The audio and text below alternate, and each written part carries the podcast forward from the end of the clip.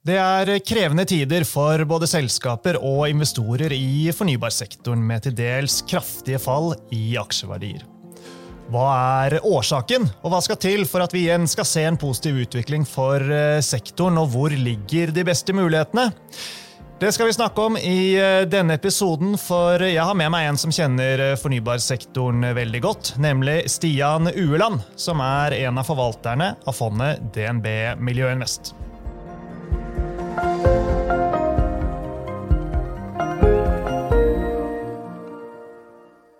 Velkommen til eh, Utbytte, DNB-podkasten der vi forklarer hva som skjer innen globale økonomien og eh, finansmarkedene. Jeg er Marius Brun Haugen, og med meg har jeg altså eh, Stian. Velkommen, Stian. Takk for det. DNB Miljøinvest, vi kan jo bare minne om det, selv om jeg tror mange av lytterne våre vet det. Det er et Eh, grønt fond som hovedsakelig investerer i selskaper som bidrar til å redusere energirelaterte klimautslipp. Det betyr at uh, dere kan investere i både sol, vind, batterier, hydrogen, biodrivstoff og et uh, vidt spekter knyttet til elektrifisering og energibesparing. Var det sånn noenlunde spot on? Det er helt riktig. Det er et bredt fond som gir eksponering mot miljøtemaet. Ja.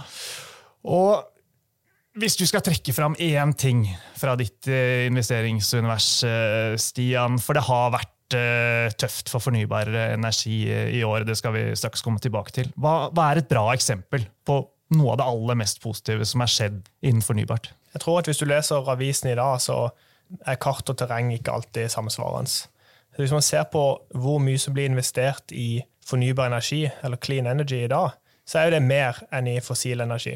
Og det er også mer enn i fjor. Så energiomstillinga, den, eh, den skjer ute i verden, selv om eh, aksjer er ned og noen problemer finnes. Ja, for det er eh, litt tøft i eh, fornybart eh, på børs eh, for tiden. det kommer vi ikke unna.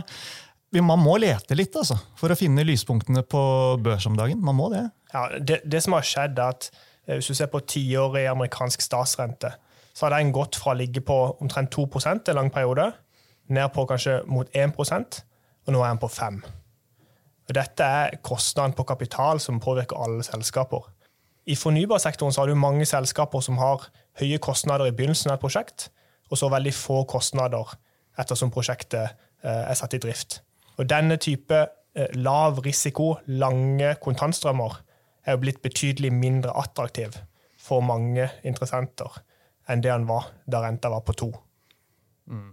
Hvis vi, er, vi, skal ikke ta en altfor lang diskusjon om, eh, om renten, altså, men hvis vi nå er kommet dit at vi er nær en slags uh, rentetopp, og at de lange rentene stabiliserer seg på et eller annet uh, nivå, enten det er uh, 4,5% for den amerikanske tiåringen eller det er 5% altså, Er det nok for å bidra positivt inn mot fornybarsektoren, eller bør vi helst se at vi begynner å virkelig eh, snakke om å prise inn rentenedgang. Det, det, som vi, det som vi har sett historisk, og som kanskje kommer klarere fram nå, at det er mange aktører som har eh, operert i et miljø hvor det har vært eh, fallende rente. Det hadde lønt seg å ta renterisiko. Det hadde også lønt seg kanskje å ta risiko med å bestille komponenter som solpaneler etc., som også har vært fallende i verdi over tid. Så du har hatt et selvforsterkende miljø da, hvor disse tingene har lønt seg, og folk har trodd at de har gjort noe veldig smart, men så har de kanskje egentlig bare eh, gjort noe som har vært fordelaktig fordi renter og komponenter har kommet ned. Da er det veldig vanskelig å justere seg til et eh, miljø som vi er i nå, hvor renta går opp veldig raskt. Når dette stabiliserer seg, så tror jeg folk vil ta et steg tilbake, tenke gjennom sine antakelser for prosjektene, og så vil vi se at det er igjen lønnsomt å gjøre investeringer i fornybar energi. Mm. Ok. Eh, hele denne tematikken rundt eh, det grønne skiftet den er stor, den er eh, kompleks. så Vi kommer ikke til å komme innom alt i denne episoden, men investorsentimentet det har jeg lyst til å gå innom. Også noen sånne observasjoner fra det vi ser rundt omkring i samfunn og politikken. Og så touche inn på noen tematikker, da, som karbonfangst, vindkraft og batterier. Men jeg tenkte å starte med liksom det store bildet. Altså, du har behov for skalering, Eh, man har kostnadsoverskridelser og ulønnsomme prosjekter. Man har subsidier og subsidiebehov eh, og reguleringer som eh, endres når de blir for populære. Så, sånn, satt litt på spissen, da. For meg så virker det som om at det grønne skiftet det er i ferd med å bli en litt sånn kjempestor suppe med så innmari mange forskjellige ingredienser at ingen har peiling på hva dette kommer til å smake til slutt. Og, så er denne suppen i ferd med å bli innmari dyr. Og det er jo ikke bra hvis noe koster mer enn det smaker.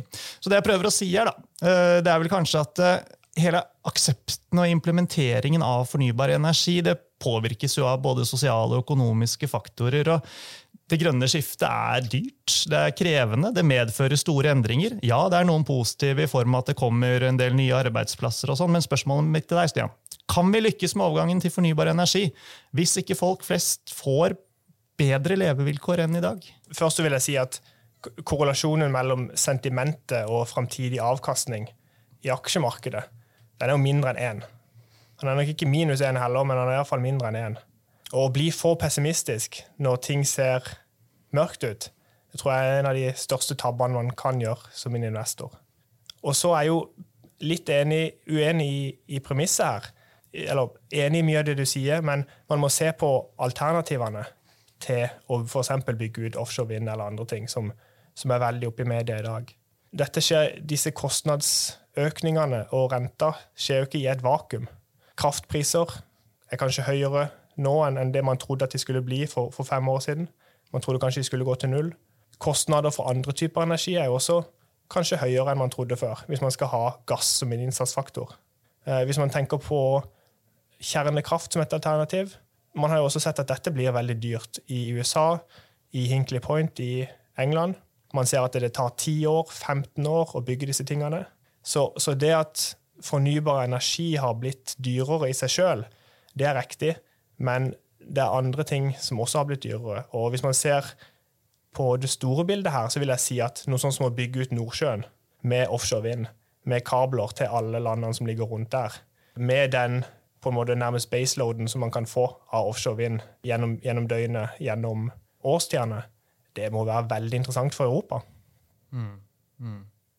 Men altså, Kan vi lykkes med overgangen til fornybar energi hvis ikke noen skjærer igjennom og sier at der skal den solparken ligge, eh, der skal de vindmøllene stå, ja, Vi behøver ikke å gå lenger enn uh, her på berget for å se at uh, dette er en ja, nesten daglig uh, sak i, i, media og avisen, og at det er mange som har ulike meninger. Da.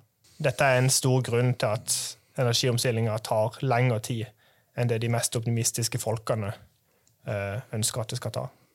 Og Hvis man ser på tidligere energiomstillinger, så har det tatt 40-50 år. Og mitt estimat er at dette kommer til å ta 40-50 år, dette også.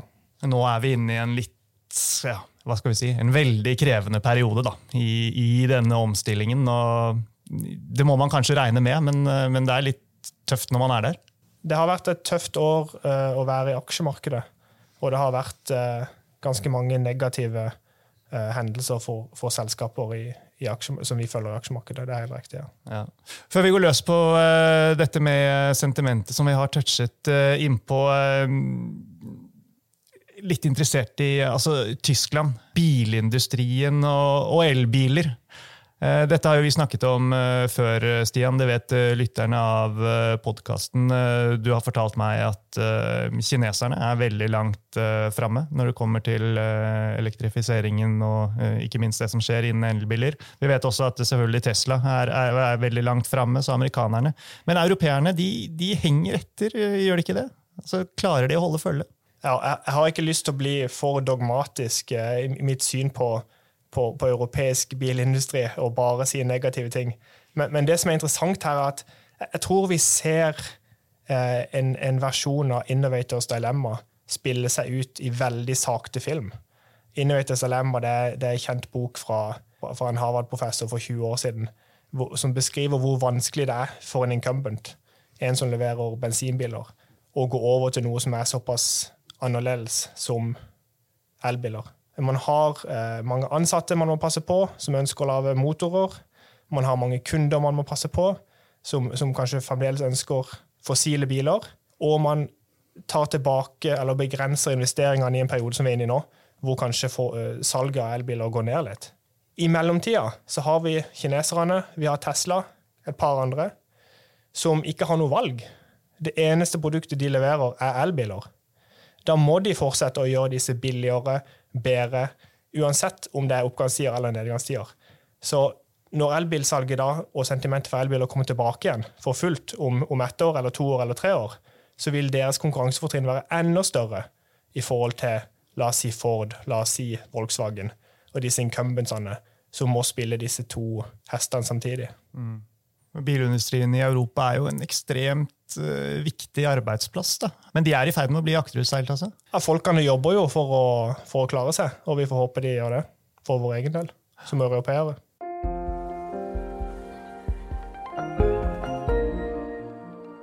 Ok, tilbake til uh, sentimentet, og om det kan by på noen muligheter. Um, altså jeg følger handelen til uh, kundene våre som handler via uh, DNB-plattformen. Aksjer, altså. Uh, og blant annet altså, har vi en sånn kurv med 29 fornybare aksjer som vi følger. Og det har aldri vært så lite handelsvolum i de grønne aksjene sammenlignet med resten av aksjene som det kjøpes og selges i, som nå. Og hvorfor trekker jeg fram dette her? Jo, bare fordi det er et lite eksempel på at sentimentet, da, eller interessen om du vil, er eh, ganske laber om dagen. Men så er det jo sånn at når sentimentet er eh, labert, det er ofte da det kan eh, være lønnsomt å investere. Men hva skal til for å snu dette her? Det, Bortsett fra rentenedgang. Det, det, det, er vanskelig ex ante å forutsi hva som, hva som, snur sentimentet i aksjemarkedet. Det er kanskje vanskelig ex post også, selv om mange kommer med gode forslag. Mm. Men um, det er iallfall sant, tror jeg, at når sentimentet er lavt, og når verdsettinga er relativt lav.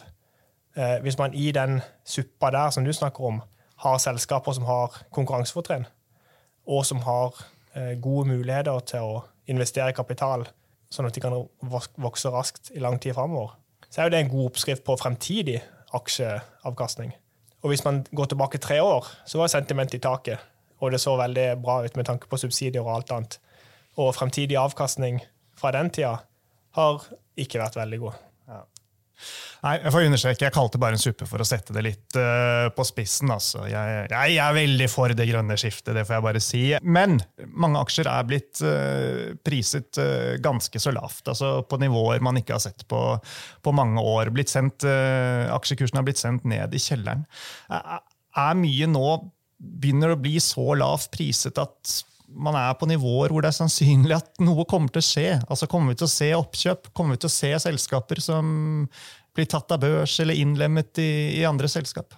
Vi har ikke sett mange oppkjøp i vår sektor så langt. Og Kanskje det henger sammen med at de selskapene som har falt absolutt mest, ikke har hatt noe av verdi å, å, å tilby verden eller en potensiell oppkjøper. Så det er faktisk ikke noe vi har sett. Om vi har nådd bunnen nå, vi begynner å føle at eh, de aksjene vi eier, er sterkt underprisa i forhold til intrinsic value, som man kaller det. Den verdien vi har satt på selskapet etter den jobben vi har gjort, og de modellene vi har. Men er det riktige bevegelser ut i flere av selskapene der som du følger med på? Altså, vi bør ikke gå lenger enn tilbake til tredjekvartalsrapporteringen eh, her hjemme i Norden, hvor vi så f.eks. Eh, Skatek og Ørsted som var ute med ganske omfattende meldinger om hvordan de eh, justerer kursen, kutter ned på vekstambisjonene, og ting går mer i favør av lønnsomhet. Altså, er det er i ferd med å bli en mer sånn realisme holdt jeg på å si, hos selskapene, hvor de, hvor de tilpasser seg denne nye virkeligheten på en fornuftig måte, da, sånn, som, sånn som du ser det? Jeg tror det var mange selskaper som ble revet med for tre år siden. Blant annet av en høy aksjepris, og følte at de måtte rettferdiggjøre den aksjeprisen gjennom, gjennom vekstmål. Eh, blant annet gjennom kanskje mange gode hjelpere som hadde ideer til hva de skulle gjøre. Og så er det påfallende hvor mange selskaper Eh, inkludert mange gode selskaper med flink ledelse etc., som har klart å komme til det punktet vi er i dag, med høyest rente på mange år. Der har de klart å komme med høyest gjeldsgrad, som de har hatt på mange år. Så det, det, er, det er, en naturlig del av, av sykkelen og menneskets natur, eh, kan det virke som. Du, et spørsmål som uh, vi får typisk fra kunder, det er Hvilken del av uh, fornybarsektoren eller investeringsspacet deres er det dere ser størst muligheter nå, sånn som ting ser ut i dag? Den største investeringa vi har i dag, uh, er et dansk selskap som heter Novozymes. Det må du fortelle om. De er verdens ledende leverandør av enzymer på industriell skala.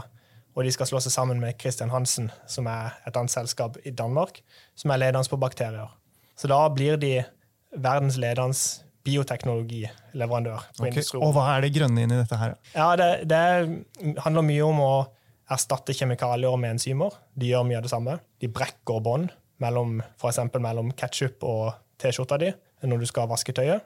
Et stort marked for Novozymes er også eh, biodrivstoff, hvor de gjør noe av det samme. Brekker bånd i innsatsfaktorene til biodrivstoff.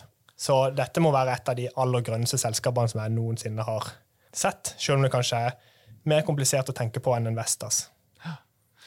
Så det er én eh, spennende ting å se på. En annen ting eh, som jeg har ikke eh, sett så mye på i år, det må jeg innrømme, men hvor ting kanskje skjer litt under radaren, vi får se om det er på radaren din, det er karbonfangst. Kan ikke du gi oss en liten oppdatering på, på hva som skjer der, og i hvilken grad du tenker at det er interessant?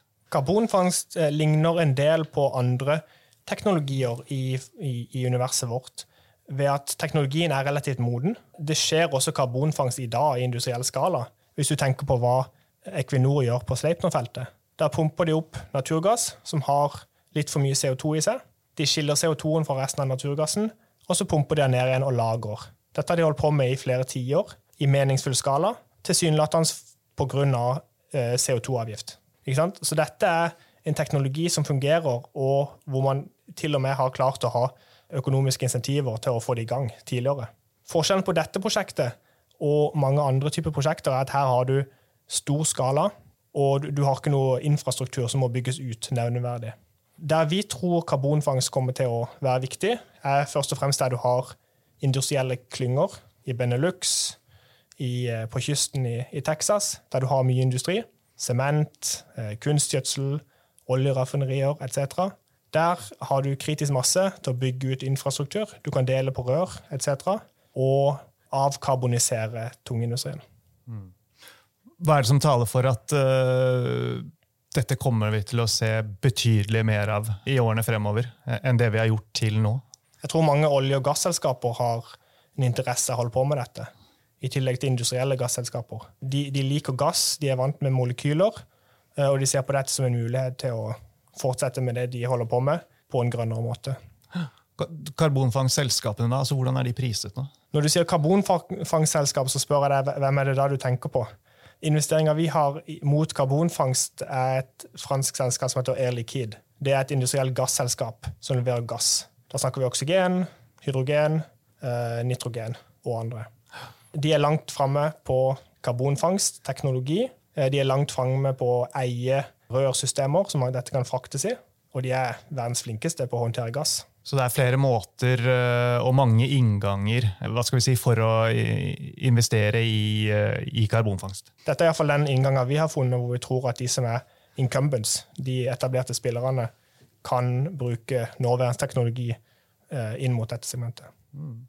Hvis vi penser over på havvind altså det virker veldig tungt om dagen, og, og man blir sikkert uh, veldig påvirket. Da. At man uh, stadig leser uh, overskrifter om ting som skjer i Nordsjøen. Når vi sitter her og spiller inn dette, så har det akkurat kommet melding om at Ørsted trekker seg ut av et prosjekt som de har planlagt sammen med Bonheur, blant annet, og Hafslund Eko, var det vel. Så det, kommer så mange eh, meldinger på den, på den, negative siden, så det er lett å bli litt farget av dette her. Men altså, vil, det noensinne bli lønnsomt å produsere vindkraft eh, til havs?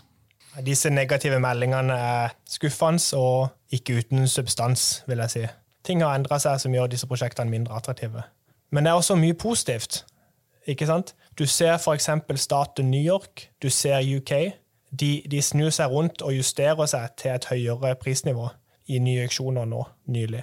Eh, og vi tror at det å bygge ut Nordsjøen med offshore vind, det gir så mye mening for Europa. Eh, ikke bare når det kommer til energiomstillinga for å være grønn, men også med energisikkerhet. Dette er en god energikilde for Europa som kommer til å bli bygd ut. Så vi skal ikke være redd for at hvis vi bygger ut uh, Nordsjøen, så er den strømmen som man får solgt, er til gi bort-priser? Da tror jeg man går mot en veldig sterk strøm, og, og mot en trend som man ikke kan klare å, å gå mot.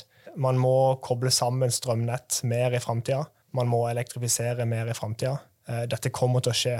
Men innen vind eh, i dag, da? Altså, hva er det som er uh, mest uh, spennende? Altså, du har Ørsted som et eksempel på en som driver vindparkene og, og, og, lager og selger strømmen. Men så har du jo Vestas, for eksempel, som produserer turbinene. Og så har du Cadeler, som mange kjenner fra Oslo Børs, som et eksempel på et annet type serviceselskap når det kommer til installasjon osv. Det er jo en del å velge mellom her. Ja, vi eier uh, Ørsted, Vestas og Kadler. Og spesielt i, i, Ørsted, men også i Vestas så har vi jo vært med på, på deler av, av, nedturen i aksjeprisene. Men vi tror at disse tre selskapene er godt posisjonert alle tre.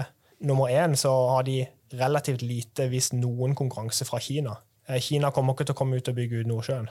Nummer to så er disse de ledende selskapene, sånn som vi ser det. Hvis du ser på Vestas og på den, den service-businessen de har, hvor de har service og maintenance på turbinene sine. Det krever at du har folk rundt omkring i verden, det krever at du har eh, varehus rundt omkring i verden, spare parts, og det nettverket du har på den, er viktig. Når vi ser på Ørsted, så ser vi et selskap som har vært pioneren i å bygge ut offshore vind rundt omkring i verden, og som sannsynligvis er den som har høyest respekt i markedet når vi snakker med folk i markedet. Og vi tror at hvis du er i den posisjonen at du har utvikla markedet nærmest på egen hånd i begynnelsen, og er en ledende aktør, så kommer du til å spille en rolle i dette fra, i framtida. Altså. Mm. Batterier må vi også uh, innom. Uh, det å lagre strøm er jo en, uh, en av de liksom store flaskehalsene i hele det grønne skiftet og, og, og, og veien til alle målene som man har satt seg. Hva har skjedd på uh, batterifronten? Altså, kommer man, eh, kommer man, videre? Klarer man stadig å, å, å lagre strøm litt lenger? Hvis du, hvis du går bort til, eh, til, Texas, så har de et eget strømnett der. De har lyst til å ikke være så avhengig av resten av USA i tilfelle de, de skal bryte seg ut. Så de har et, nesten et eget strømnett der. Og der har de nå 100 gigawatt med batterikapasitet som venter på å koble seg til det strømnettet. Maksutnyttelsen av det er på 85 gigawatt. Ikke sant? Så disse batteriene vil, hvis du tar alle sammen på, så vil de kunne dekke hele strømbehovet til Texas. Bare fra batterier. Vel å merke bare i en time eller to. Det er der vi er. Men, men det er nok et bevis på at investeringene skjer. Og selskapene er der ute og bygger batterier og, og kobler de på og holder på. Selv om sentimentet i markedet er lavt, spesielt, spesielt her. Så, så det, det, problemet med å lagre energi fra la oss si klokka tolv på dagen når sola skinner, til klokka fem når du kommer og skrur inn elbilen din og tar på aircondition etter jobb. Det problemet tror vi løses med batteriteknologi og annen smartteknologi. Mm. Er det fortsatt uh, Tesla som er en av de ledende aktørene å, å se på når det kommer til uh, batterier? Det framstår sånn. Uh, når vi snakker med folk i industrien, så sier de gjennomgående at det er premiumprodukt som folk er villige til å betale litt ekstra for. Tesla de selger batterier som folk kan ha i garasjen hjemme, og så selger de batterier som folk kan koble på strømnettet. Store batterier.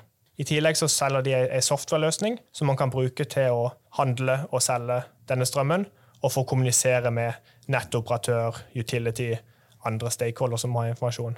Bra. Med det så tror jeg eh, vi har kommet til veis ende for eh, i dag, eh, Stian. Og vi får prøve å runde av da, med en aldri så liten konklusjon.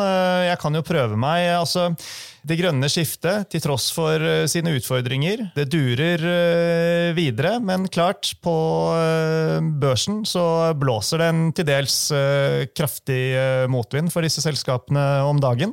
Og så gjenstår det å se om dette bildet snur. Det er tegn til litt mer realisme hos en del av selskapene, så mm, ja. Spørsmålet til deg, da. Er det grunn til litt mer optimisme nå fra et investorperspektiv? I ettertid så er det lett å se at vi har vært gjennom ei massiv grønn boble med overprising av aksjer i dette segmentet. Hvis du spør om energiomstillinga fremdeles skjer, så er svaret ja.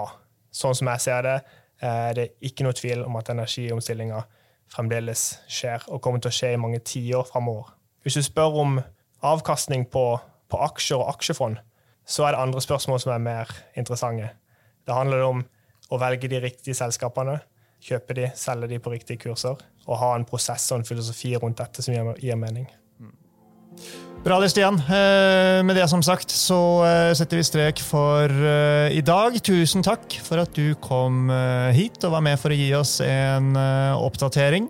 Og sist, men ikke minst, folkens, tusen takk til alle dere som hørte på.